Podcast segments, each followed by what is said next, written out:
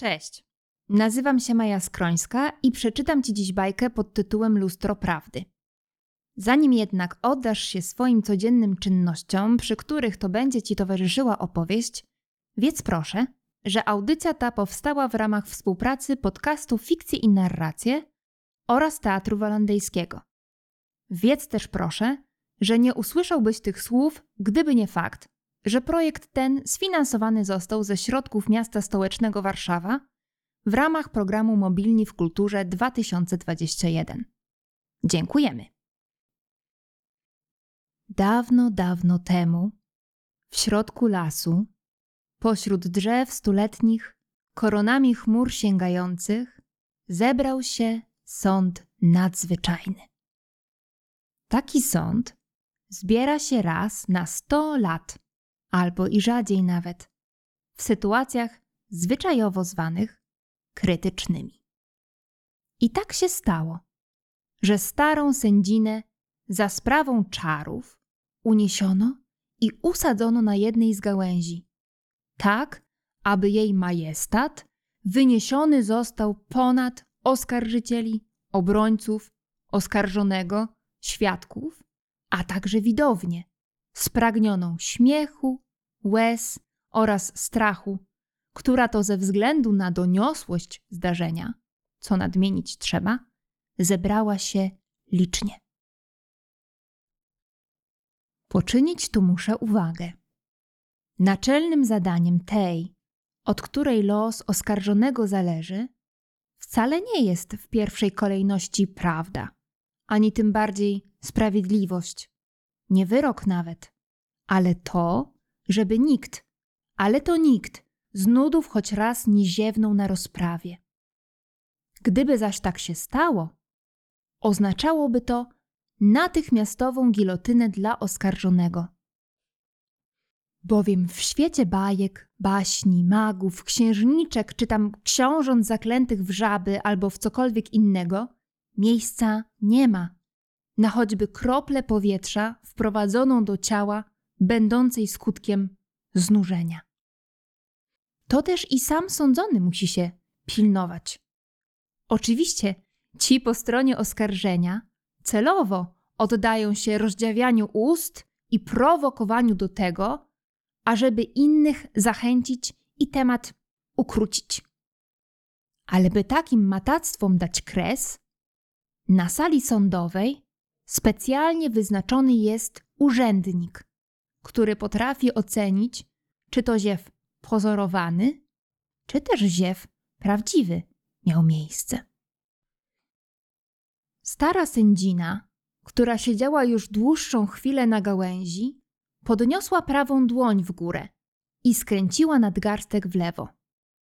Był to znak, ażeby wszyscy zajęli swe miejsca magów, księżniczek, zwierząt leśnych, krasnoludów i innego tałatajstwa zjawiło się jednak tak wiele, że nie byli w stanie dostrzec tego gestu. Spojrzała się więc kobieta w stronę drzew, które korony miały w chmurach, lecz ich korzenie sięgały do źródeł najstarszych podziemnych rzek. I gdy skręciły je lekko w kierunku północy, ziemia zadrżała w posadach. Wszyscy umilkli z przerażenia i po chwili zajęli swoje miejsca. Prokurator zasiadł na wielkim liściu pośrodku leśnego stawu. Nie było wszak w tym nic dziwnego, gdyż był on ogromną ropuchą, która co i róż musiała nawilżyć swoją skórę wodą. Obrona zaś mieściła się pośród malin. O takie miejsce to zawnioskował nikt inny jak mecenas Borsuk, najmądrzejszy z wszystkich borsuczych prawników, który jednak, gdy denerwował się i poziom cukru we krwi mu spadał, co i róż potrzebował między sprzeciwem, zadawaniem pytań świadkom, a potyczkami z żabym prokuratorem, zerwać owoc i posilić się, by na celne riposty znaleźć siłę. Pośród malin znajdował się też on, oskarżony. Człowiek, Człowiek z opuszczoną głową, na którym cała ta wrzawa i poruszenie zdawały się nie robić żadnego wrażenia. Na mchach zaś znajdowało się miejsce dla świadków obrony, a tuż za nimi, na polanie, rozsiadła się widownia, która to czekała, aż sędzina zacznie mówić. Ta nakazała drzewom, ażeby odchyliły się nieco i wpuściły więcej światła.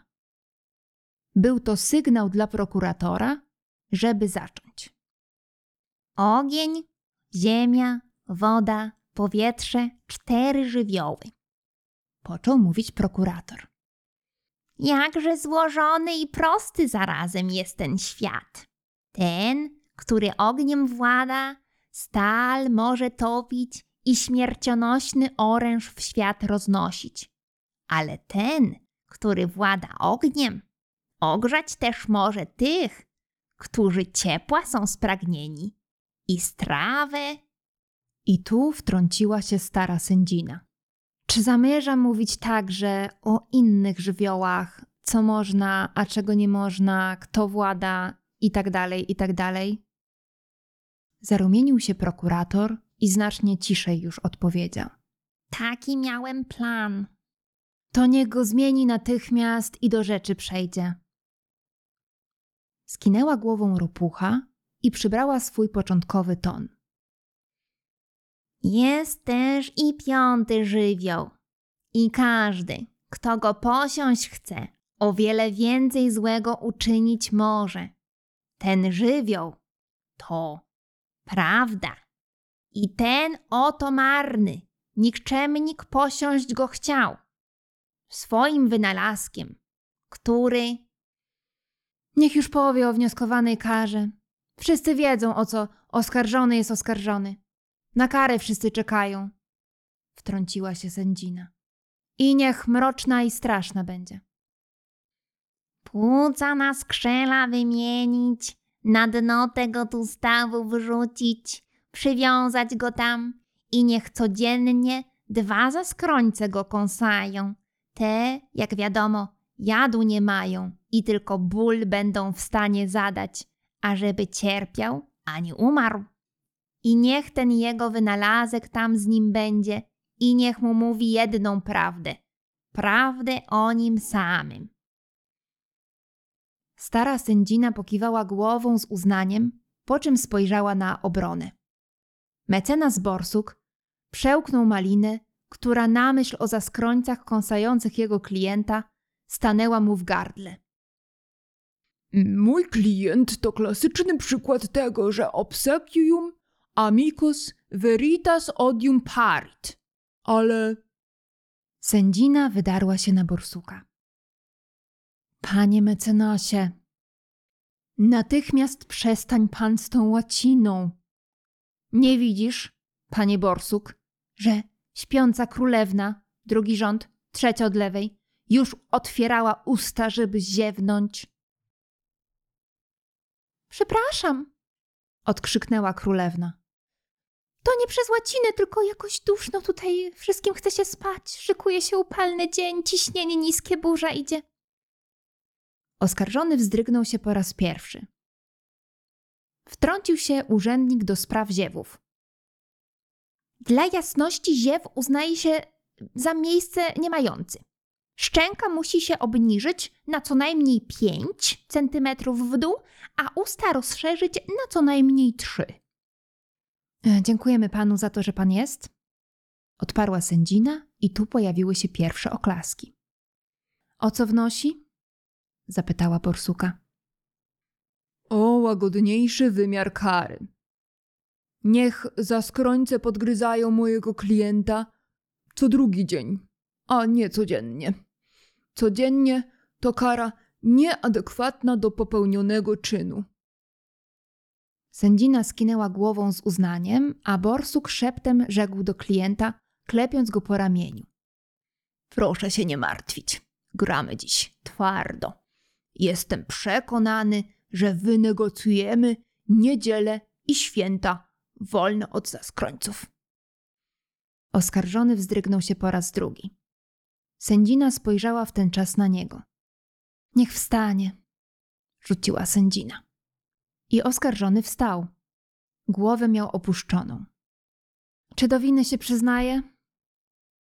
Zapadła cisza taka, że tylko szum drzew delikatnie muskanych dało się słyszeć i mlaskanie mecenasa Borsuka, który w ten sposób nabierał sił, ażeby dzielnie bronić tego, który zasiadł na ławie oskarżonych. Oskarżony tylko kiwnął głową, że tak. Niech odnotuje, rzuciła do protokulanta, że skinął głową, że tak. Wzywam zatem pierwszego świadka obrony. I powolnym krokiem szedł siwy człowiek o lasce. Broda sięgała mu do pasa. Stanął pod drzewem, na którym siedziała sędzina. Wzrok skierował ku górze. To moja wina. Gdyby nie ja, nie byłoby tego wszystkiego. I ci biedni ludzie by, by nie. Rzekł starzec. Niechże powie, kim jest dla oskarżonego. Ja wiem, ale niech ci, co nie wiedzą, się dowiedzą. Jestem ojcem, wysoki sądzie. Jestem ojcem. Powtórzył i spojrzał w dół. Spojrzał na syna i jął mówić. To dobry chłopak. Proszę mi wierzyć. Zabrakło mu tylko jednego w życiu szczęścia. Gdyby je miał, nie byłoby tego wszystkiego. Kiedy miał siedem lat, a było to już, ho, ho, postanowił, że zostanie konstruktorem. Przez lata robił piękne zabawki w drewnie. Na początku mu nie wychodziło, ale potem powstały piękne lalki. Wszystkie oddawał dzieciom biednym. Z czasem zaczął szyć myszki, takie myszuchy poduchy, mawiał. Mam na myśli mysz w kształcie poduszki. Tak, tak, domyśliłam się.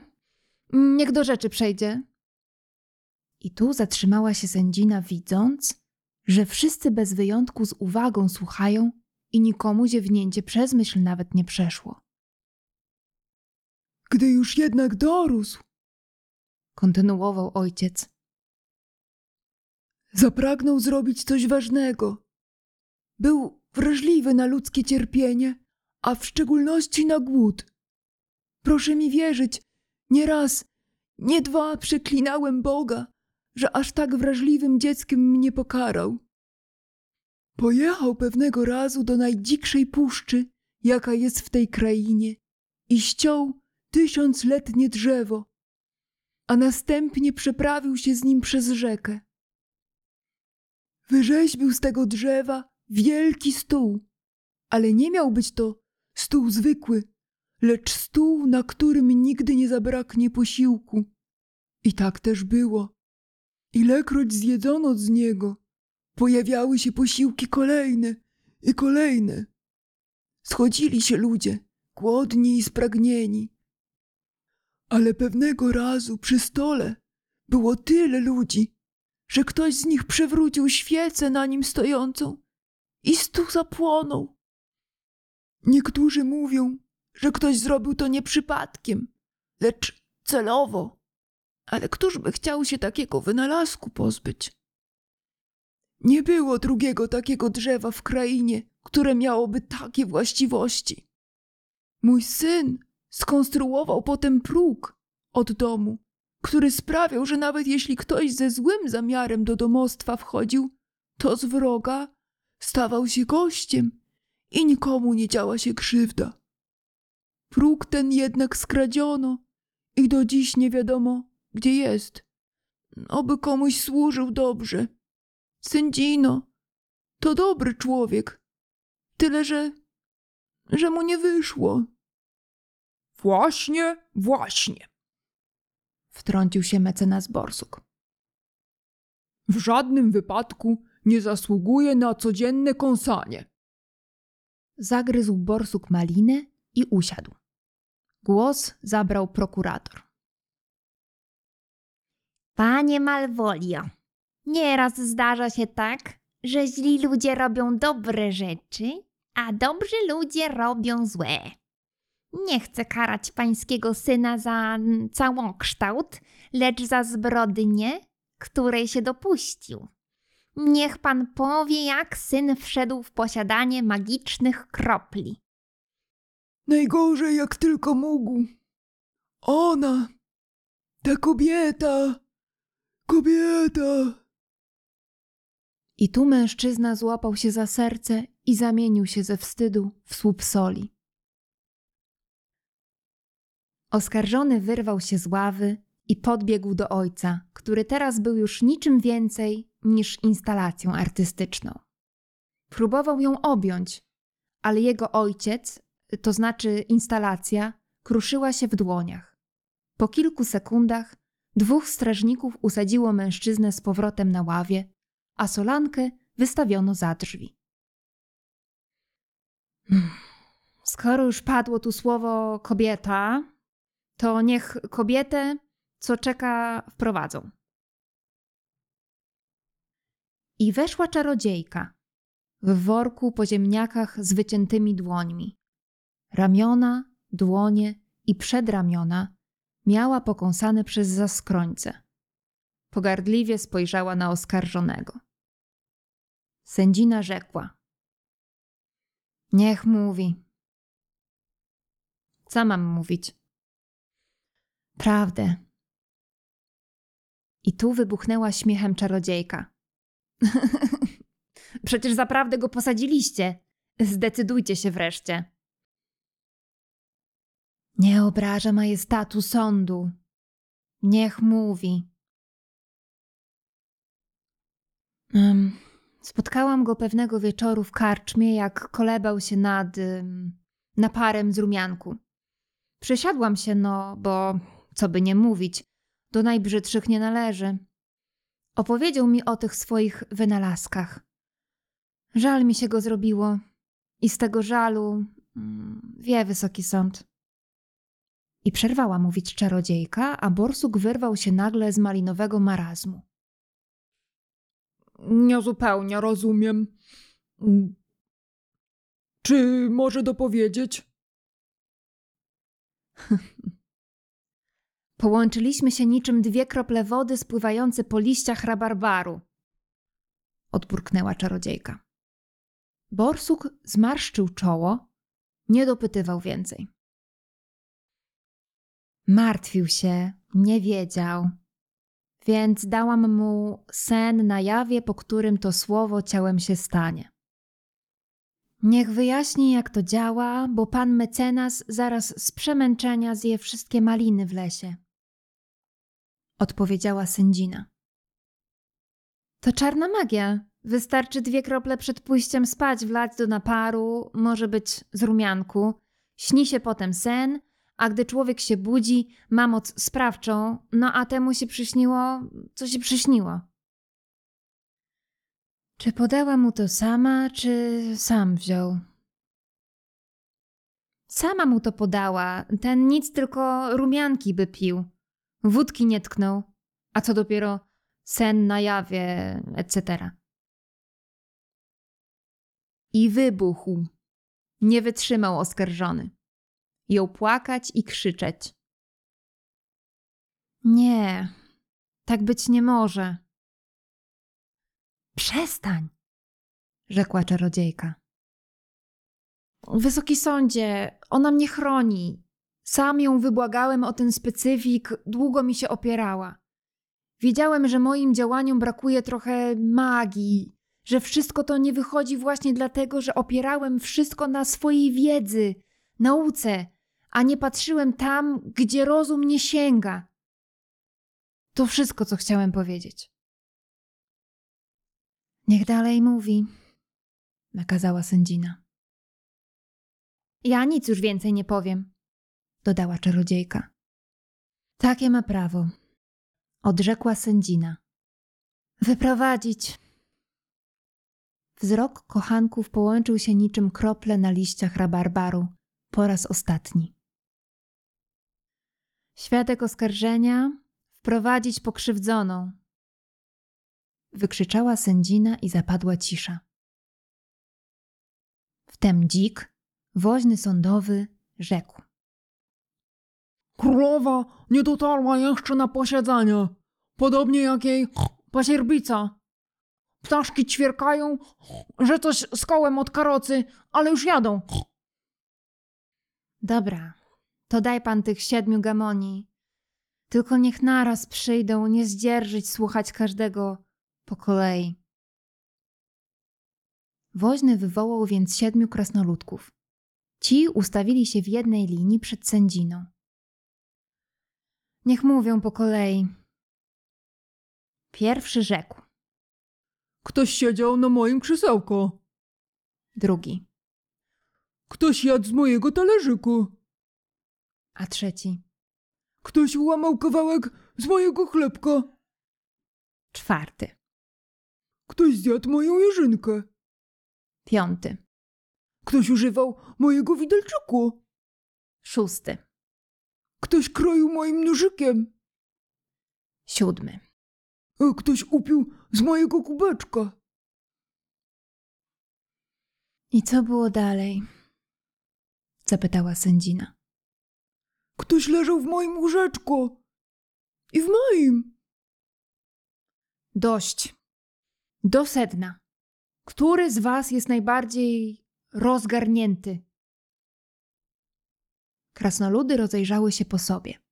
Wystąpił z nich czwarty krasnolud i powiedział: Jerzym nie jest najbardziej rozgarnięty, ale wczoraj zapomniał, żem po robocie wyprowadzić ptysia i za karę mnie godać z sędziną kazali. Jakiego ptysia? Mamy psa, proszę sądu. Taki mały. Naszkicowałem, że go wczoraj pokażę. Sędzina już gestem zatrzymywała krasnala przed pokazywaniem wszystkim ptysia, wyrwał się jednak borsuk do świadka. Wziął szkicownik i powiedział. Wnoszę o zamieszczenie materiału dowodowego w aktach sprawy. Prokurator wykrzyczał zaś. Sprzeciw. Ptyś nadto mógłby rozczulić serce sędziny i nie daj Bóg zamiast zaskrońców wodne żółwie będą go podgryzać. Panie prokuratorze, proszę zanurzyć się w stawie i schłodzić głowę. Wystarczy, to nie ma związku ze sprawą. Rzekła sędzina, a ropucha zanurkowała w wodzie i wychnęła po chwili. Ja wiem, wysoki sąd o Śnieżkę pyta. Wszyscy teraz o tym tylko opowiadają. Wróciliśmy z roboty na kopalni. Ciężki dzień był jak pierun. Wchodzimy, a tu jak nic ktoś był w domu i jak nic wszystko wskazywało, że nadal w nim jest. Złodziej jaki, czy coś, pomyśleliśmy. Wziąłem więc lagę, ażeby... Oczywiście wszystko w obronie własnej, jak to się ten e, tego mówi, w ramach obrony koniecznej, proszę sądu. Idziem do pokoju z łóżkami. No a tu pani sędzino, piękna, bielusieńka, leży i śpi dziewuszka. No żeśmy się tak wzruszyli. Siedmiu chłopa, a płakali my ze wzruszenia jak dziewuszki po weselu. No i ona mówi, że ma problem, bo no bo zabłądziła w lesie i że no dalej to wszyscy wiedzą co było. Ja już nic nie powiem. Panie prokuratorze? Prokurator tylko przełknął ślinę i głową pokiwał przecząco.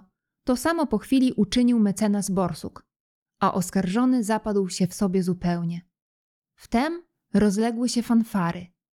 Na sali rozpraw pojawiła się królowa i jej pacierbica Śnieżka. Chwała królowej i tak dalej, i tak dalej, rzekła sędzina. Czy królowa gotowa jest powiedzieć, co miało miejsce? Tak, odpowiedziała i podeszła w stronę sędziny. Otóż, wysoki sądzie, lustro, o które sporządził ten człowiek, e, wcale prawdy nie mówi. Zmienia dobrych ludzi w złych, tak jak to czyni czarna magia. Mój mąż, który od tego wszystkiego zachorował bardzo, otrzymał to przeklęte lustro w podarunku od pewnego bogatego mieszczanina, który to nabył je bezpośrednio od tego tu. Hmm. Mówił, że jest niezwykły, bo mówi ludziom prawdę. A prawda powinna należeć przede wszystkim do mądrego władcy. Mój mąż jest racjonalistą, więc oddał to lustro mi. Lustro to zaczęło mnie namawiać do bardzo złych rzeczy. Opanowało mój umysł i sprawiło, że nakazałam zabić to piękne dziecko, z którym tu przybyłam. Bardzo się bałam. Poprosiłam więc najlepszego z moich ludzi, ażeby ukrył to dziecię jak najdalej ode mnie. Wiedziałam już wtedy, że jestem we władaniu złych mocy, ale mądrość moja i szlachetność oparły się jej. Oskarżony nie wytrzymał już. Wstał. Spojrzał w oczy królowej. I co? I co się stało z tym człowiekiem, który miał śnieżkę ukryć? Niech się oskarżony tak nie zwraca do królowej, rzekła sędzina. Odpowiem, wysoki sądzie. Człowiek ten zmarł na kilka dni przed rozprawą. Skarżył się na dolegliwości z żołądkiem. Żadne zioła, żadne leki, ani nawet czary nie pomagały. To godny obywatel naszego królestwa. Wysoki sądzie, w tej sprawie to wszystko, co mam do powiedzenia. Mogę dodać co najwyżej to, że człowiek ten zasługuje na najgorszą z możliwych kar. Nie powinien stąpać wśród żywych, ani umrzeć, bo to tylko przyniosłoby mu ulgę. Królowa odeszła. Następnie na świadka zawezwana została Śnieżka. Proszę mówić. Z uśmiechem powiedziała sędzina. Wysoki sądzie, dla mnie to wszystko jest jakieś nijakie. Czy można prosić jaśniej? Dopytał mecenas Borsuk. Jak przez mgłę pamiętam, człowiek, który mnie zabrał, on chyba, sama nie wiem, wziął mnie do lasu, ale no jest tak jak królowa mówiła. Znalazłam się w domu siedmiu krasnali i tam mieszkałam przez jakiś czas. Pewnego dnia poczułam się senna i usnęłam. No a potem mm, przyszedł, mm, tak mi powiedziano. W każdym razie to jego jako pierwszego zobaczyłam. Siedmiu krasnoludków spojrzało tylko w ziemię i nic nie mówiło. Było im wstyd, że brakowało im odwagi, ażeby prawdę wypowiedzieć. Sąd zarządził przerwę w rozprawie. Wraz z najstarszymi drzewami udał się na obrady. Rozmawiali nie za długo, ażeby czasem kogoś z widowni nie zanudzić. Wysoki sąd wznowił obrady. Rozpoczął je od słów. Czy oskarżony chciałby odnieść się do słów, e, które tu padły? Odnieść nie. Czymże moje słowo jest wobec słów tak zacnej królowej, jej pasierbicy i tych siedmiu krasnoludów, którzy opieką otoczyli królewskie dziecię? Przyznaję się do wszystkich moich przewin. Pycha mnie poniosła i chciałem zostać depozytariuszem prawdy. Nie chcę nic dodawać, lecz mam prośbę. Nim moje płuca zamienione zostaną w skrzela i zamknięty zostanę na dnie tego jeziora, chciałbym jeszcze raz spojrzeć na coś, co mnie zniszczyło. Wiem, że sąd ma wszystkie lustra, które stworzyłem. Chciałbym raz jeszcze na nie spojrzeć. To jedyne, o co proszę. Sąd zastanowił się przez chwilę. Spojrzał na widownię, która o krok była od ziewania. Wnieść wszystkie lustra. I ustawiono lustra. Podszedł do nich mężczyzna, przyglądał się im bacznie i nagle jakaś złość w nim zagościła i niezgoda na to wszystko, co z nim stać się miało. Wziął więc kamień, który leżał na ziemi i raz cisnął w jedno lustro, raz w drugie. Nim go powstrzymano, drobne kawałki luster leżały wszędzie. Ci, którzy z widowni najbliżej byli zajścia, mogli wziąć po kawałku i przejrzeć się w nim. Trzeci z siedmiu krasnoludków usłyszał, że nigdy nie wybaczy sobie kłamstwa w związku ze Śnieżką. Jeden z wielu książąt przemienionych w żabę dowiedział się, że dobrze mu w żabim stanie, stąd unika księżniczek. Jaś dowiedział się, że skrycie nienawidzi Małgosi. Słowem, każdy usłyszał prawdę o sobie, a nie, jak to rzeczono, podżegany zostawał do zbrodni. Gdy Śnieżka nachyliła się do jednego z kawałków lustra, zapytała o jej macochę. Omamiła cię Śnieżko macocha twoja, wysłała cię z myśliwym do lasu, który miał cię zabić. Ulitował się nad tobą i zostawił cię w środku lasu, nie chcąc mieć cię na sumieniu. Myślał, że i tak pożrą cię zwierzęta, ale ty odnalazłaś dom krasnoludków, którzy cię ugościli. Macocha trzykrotnie podstępem próbowała cię zabić. To nieprawda! wykrzyknęła królowa. To wszystko szatańskie wymysły. No, wrzucać go do jeziora.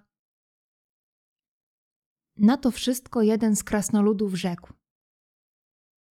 Tak nie może być. To zupełna prawda, co powiedziało to lustro. I sędzina wzięła kawałek lustra. Zapytała wpierw o motyw królowej. Lustro rzekło. Królowa próżną jest i próżność wiodła ją ku złemu.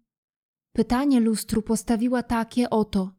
Lustereczko, lustereczko, powiedz przecie, któż najpiękniejszy jest na świecie? A że lustro kłamać nie potrafi? Prawdę rzekło. Pięknaś, ale jest piękniejsza od ciebie, zwie się Śnieżką. Myśli znieść tej nie mogła i postanowiła zabić. Wtem królowa, korzystając z chwili nieuwagi, oddaliła się i uciekła ile sił w nogach do królewskiej swej karocy i ruszyła na południe, by zamknąć się w zamku. Ruszyły za nią straże, lecz jeden z kawałków lustra rzekł: Nie pędźcie za nią. Lustro zna wszak prawdę o tym, co jest, było, ale także i będzie. Nie zdąży wyjechać z lasu. Jeden z mostków zawali się pod ciężarem nie tyle, co karocy, a jej pychy, którą w sobie nosi. Emocje nieco opadły. Sędzina uspokoiła widownię, nakazała strażom zebrać fragmenty luster i zatopić je w stawie. Za skrońcom zaś nakazała, by te bacznie pilnowały, by nikt ich nigdy nie próbował wyłowić. Sprawa wydawała się przesądzona. Sędzina jednak jeden kawałek lustra wzięła i zapytała: A jaka prawda jest o tym człowieku, który dziś jest sądzony? Serce ma wielkie, intencje dobre. Wynalazek stworzył piękny, w złe trafił dłonie. Jedyny błąd, jaki uczynił, to, że wynalazek swój za szybko wynalazł, kiedy to ludzkość jeszcze gotowa na nie jest. Więc o pani, weź i mnie i wrzuć, niech spocznę na dnie jeziora, a gdy ludzie będą gotowi naprawdę, Niech ktoś się zjawi i nas w jedno poukłada. Tak też się stało. Prokurator wymienił gest z borsukiem i sędzią. Nikt nie musiał nic dodawać. Wszystko zostało powiedziane. Sędzina gest dała, ażeby wszyscy się uspokoili. I takie słowa rzekła. Wyrok w imieniu sądu nadzwyczajnego Sąd postanowił nie uznawać winy oskarżonego. Rozległy się wiwaty. Już chciała sędzina swoje uzasadnienie przedstawić, lecz tu, choć emocje osiągnęły zenit, śpiąca królewna otworzyła usta i ziewnęła. Mimo subtelności tego szczynu, urzędnik przerwać musiał rozprawę. Rzekł nic więcej prócz. Wszem i wobec ogłaszam, że odnotowałem ziew u tej oto młodej damy. Przepraszam, wtrąciła tylko śpiąca królewna i położyła się pod drzewem, i usnęła. Niech natychmiast kat królewski pojawi się przed obliczem sądu. Wtem mecenas Borsuk, o którym, jak wspomniano już, był najlepszym spośród borsuczych mecenasów, zaczął wertować jedną z ksiąg ustawionych wśród malin. W tym czasie głowę oskarżonego zdążono położyć na pniu, lecz wtedy takie oto słowa rzekł mecenas, przegryzając maliny. Wysoki sądzie, powstrzymać to natychmiast. Znalazłem precedens. Przed 400 laty podobna sytuacja miała miejsce. Sądzono wówczas szalonego drwala za to, że las magiczny w pijackim szale porąbał. Uznano jednak, że to wina pazernego karczmarza, który... Niech już idzie do sedna, przerwała mu sędzina. Wtedy też to podczas werdyktu ziewnął ktoś, lecz uznano, że po ogłoszeniu wyroku, lecz przed ostatecznym uzasadnieniem, ziew nie powinien być już brany pod uwagę. Zmarszczyła brew sędzina, spojrzała okiem swym w księgę i usłyszał oto te słowa oskarżony, które to każdy oskarżony na świecie usłyszeć pragnie. Niewinny. Co było dalej? Łatwo domyślić się możesz. Konstruktor poszukiwania prawdy zaniechać postanowił, wszak jak mawiał pewien mędrzec, nikt nie jest bardziej znienawidzony niż ten, kto mówi prawdę. A bohater nasz już dość nienawiści zaznał i zapragnął żyć w spokoju, a od zbiorników wodnych z zaskrońcami daleko się trzymał.